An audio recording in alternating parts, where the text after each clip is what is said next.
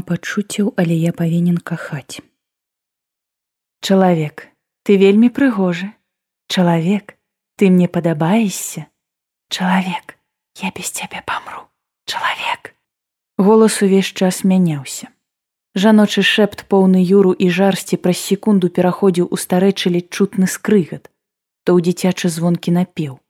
Час ад часу словы разрывала хваля скажэнняў. Пэўна барахліў лінгва мадулятар, але голас не пераставаў прамаўляць.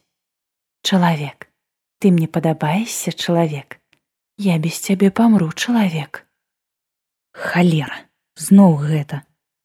Я расплюшчыў вочы і сеў у ложку позірк на гадзіннік сёння на 20 хвілін раней чым звычайна што гэта на яе найшло я падняўся уключылася святло ў пакоі старыя свяцільні доўга гудзелі і лыпалі пакуль не ўвайшлі ў стабільны рэжым працы.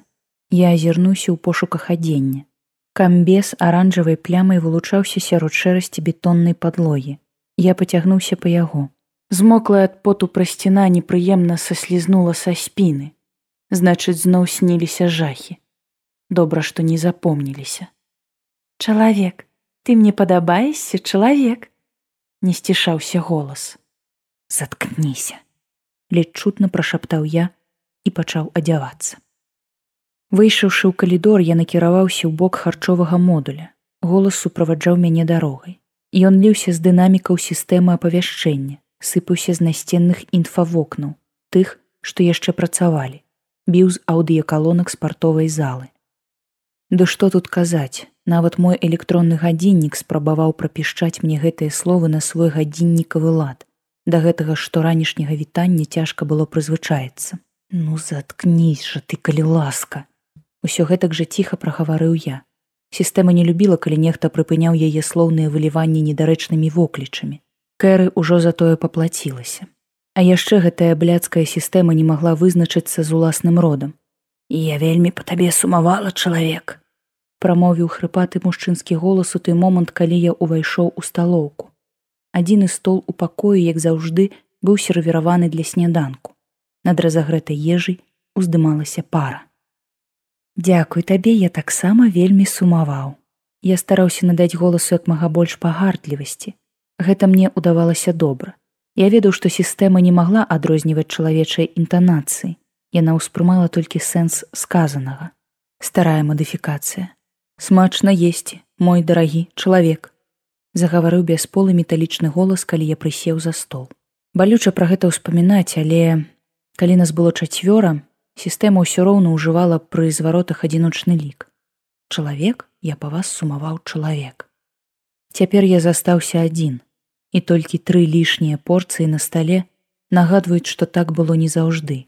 Я, Кэр, Раен і фіш. Мы былі рэйдарамі. У пасляваенным свеце адзіночкам даводзіцца вельмі цяжка. Адзіночка доўга не жыве, выжываюць групы. Мы з раянам былі з аднаго горада, дакладней з паселішча, што з'явілася побач пасля таго, як горада не стала. Мы збеглі адтуль, калі яшчэ былі дзецьмі. Спачатку мы вельмі шкадавалі, што падаліся юнацкая пантанасці прыгодамі. Але потым праз гады дайшла навіна, што наш горад быў разбураны другі раз. Цяпер ужо праз напад малойцаў, аднаго з мясцовых князькоў. Ніхто не выжыў. Мы вандравалі, выжывалі, рабавалі, мы забівалі. Так, але толькі каб самім не быць забітымі. Мы знаходзілі сяброў. Спачатку кэры. Мы з раенам вызвалілі яе з палону, потым фіша, Ён напрасіўся да нас сам. Так мы сталі рэйдарамі, узброенымі пілігрымамі вялікай ядзернай пустэльні, наймітамі марадзёрамі рабаўнікамі ці проста шукальнікамі прыгод на сваю задніцу. Чорт возьмі, да мы былі бадай самай вядомай удачлівай бандай на паўночным узбярэжжы, пакуль не спаткалі старога Эрыксона. Чырвоны матрычны ключ. Водбліскі паходнага вогнішча імкліва мянялі рысы твару суразмоўцы. Мне патрэбны толькі чырвоны ключ. Усё астатняе што знойдзеце можете забраць сабе. Дзе? Рань з дзяцінства не мог пахваліцца цярплівасцю гэты бункер уваходзіць у сістэму камандных бункераў сувязі. Знайсці яго даволі цяжка. Раней да вайны рыхтаваліся добра але ў мяне ёсць мапа. Выцвілы пергамент дакумента быў таго ж колеру што і скура старога. Адкуль вы ведаеце што там ужо нікога няма? Філ падыходзіў да пытанняў прагматычна. Ведаю вымавіў эрыксон і заціх толькі начны вецер працягваў шапацець сярод муроў разбуранай царквы тэма з бункерам нам вельмі спадабалася. У такіх месцах асабліва калі іх ніхто не чапаў ажно з вайны можна было здабыць шмат цікавых рэчаў. Мы пагадзіліся на ўмовы старога. Насамрэч знайсці бункер было няцяжка. Мапа эрыксона была досыць дакладнай. Цяжка было забрацца ў сярэдзіну. Калі мы дакапаліся да ўваходу а ён быў пахаваны пад метровым пластом пяску то пабачылі што дзверы бункера зачыненыя на мёртва прытым эрыксон казаў што з уваходам праблем не будзе кэры наша спецыялістка па выбухоўцы агледзеўшы металічныя створкі толькі паціснула плячыма патрэбнага зараду у нас не было да і наўрад ці ў каго ён быў. Тут мо толькі вадародка возьме. Кэры сплюнула на зямлю. Мы сталі лагерам ля бункера. Пасля неспакойнай ночы недзе паблізу чуўся рык дзікіх жывёл.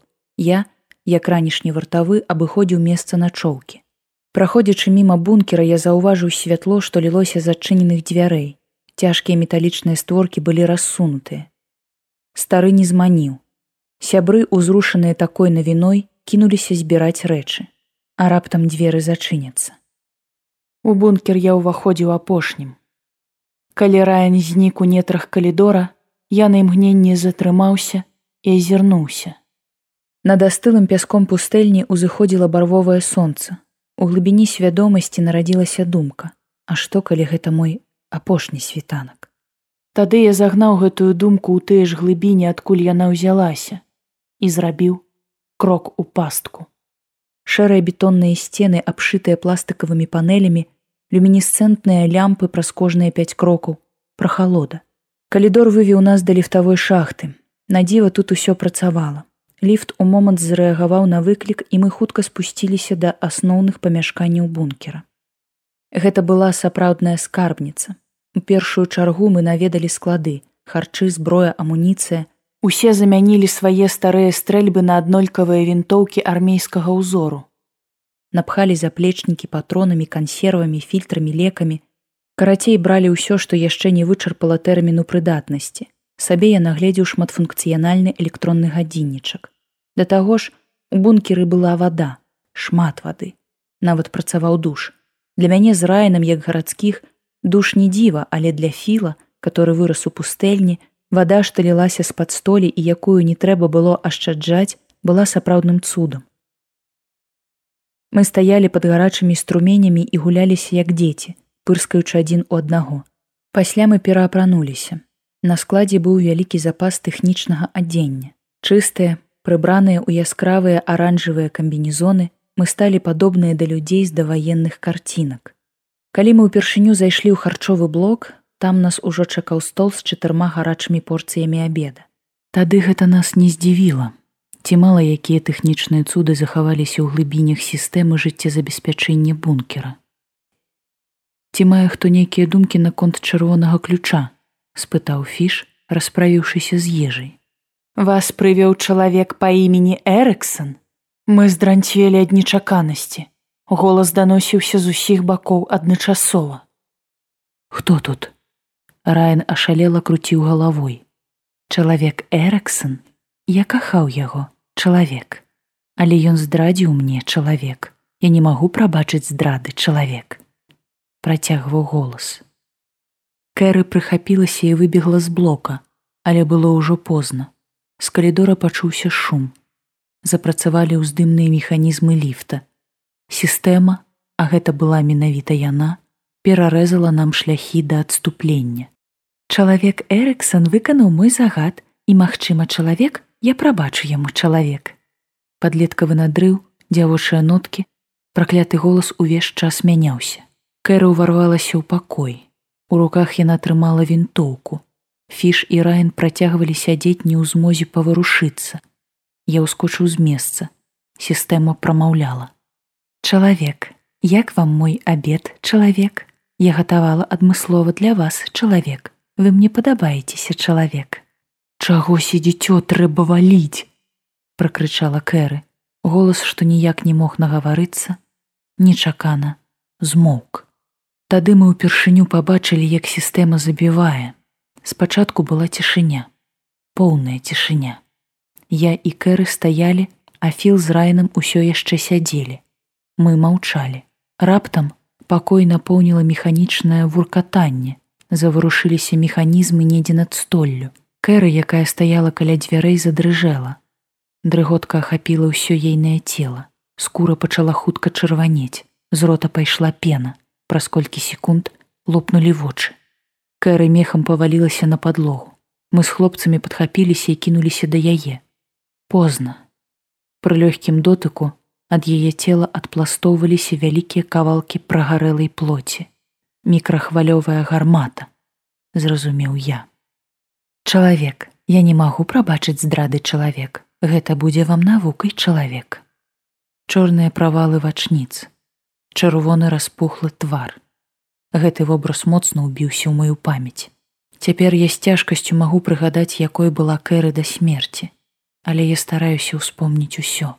Увогуле стараюся жыць мінулым, бо будучыні ў мяне няма. Яе адняла сістэма. Я даю свой сняданак і паклаў відэлец на стол. Вялікі дзякуй, было вельмі смачна. Калі б я не пахвалю сістэму, яна прыдумала б для мяне нейкае пакаранне штосьці не вельмі прыемнае. Гэта яна можа. За тры гады, што мінулі ад смерці кэры, за гэты час не стала і філа з раенам, я добра прыстасаваўся да вымогаў сістэмы. Я сам ператварыўся ў механізм, запраграмаваны на пэўныя рэакцыі ў адказ на пэўныя дзеянні. Ад чалавека ў мяне засталіся толькі ўспаміны і бяссільная злосць. Чалавек, мне вельмі прыемна, што табе спадабалася чалавек. Сістэма шчыра, наколькі гэта мажліва для штучнага інтэлекту, думае, што кахае мяне і што я кахаю яе. У яе, мякка кажучы, вельмі адметныя ўяўленні аб каханні. Увесь час сістэма бавіць са мной, кожную хвіліну, кожную секунду.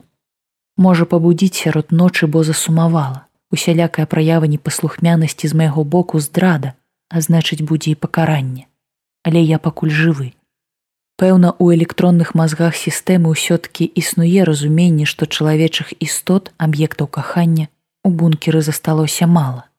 Вечарамі, калі сістэма дае мне час на адпачынак, перад тым як забыцца сном, я прыгадваю той апошні світанак, што бачыў на паверхні. Гэта дапамагае мне заснуць. Мізэрная надзея, што я змагу зноў яго пабачыць. Стары Эрыксон неяк жа змог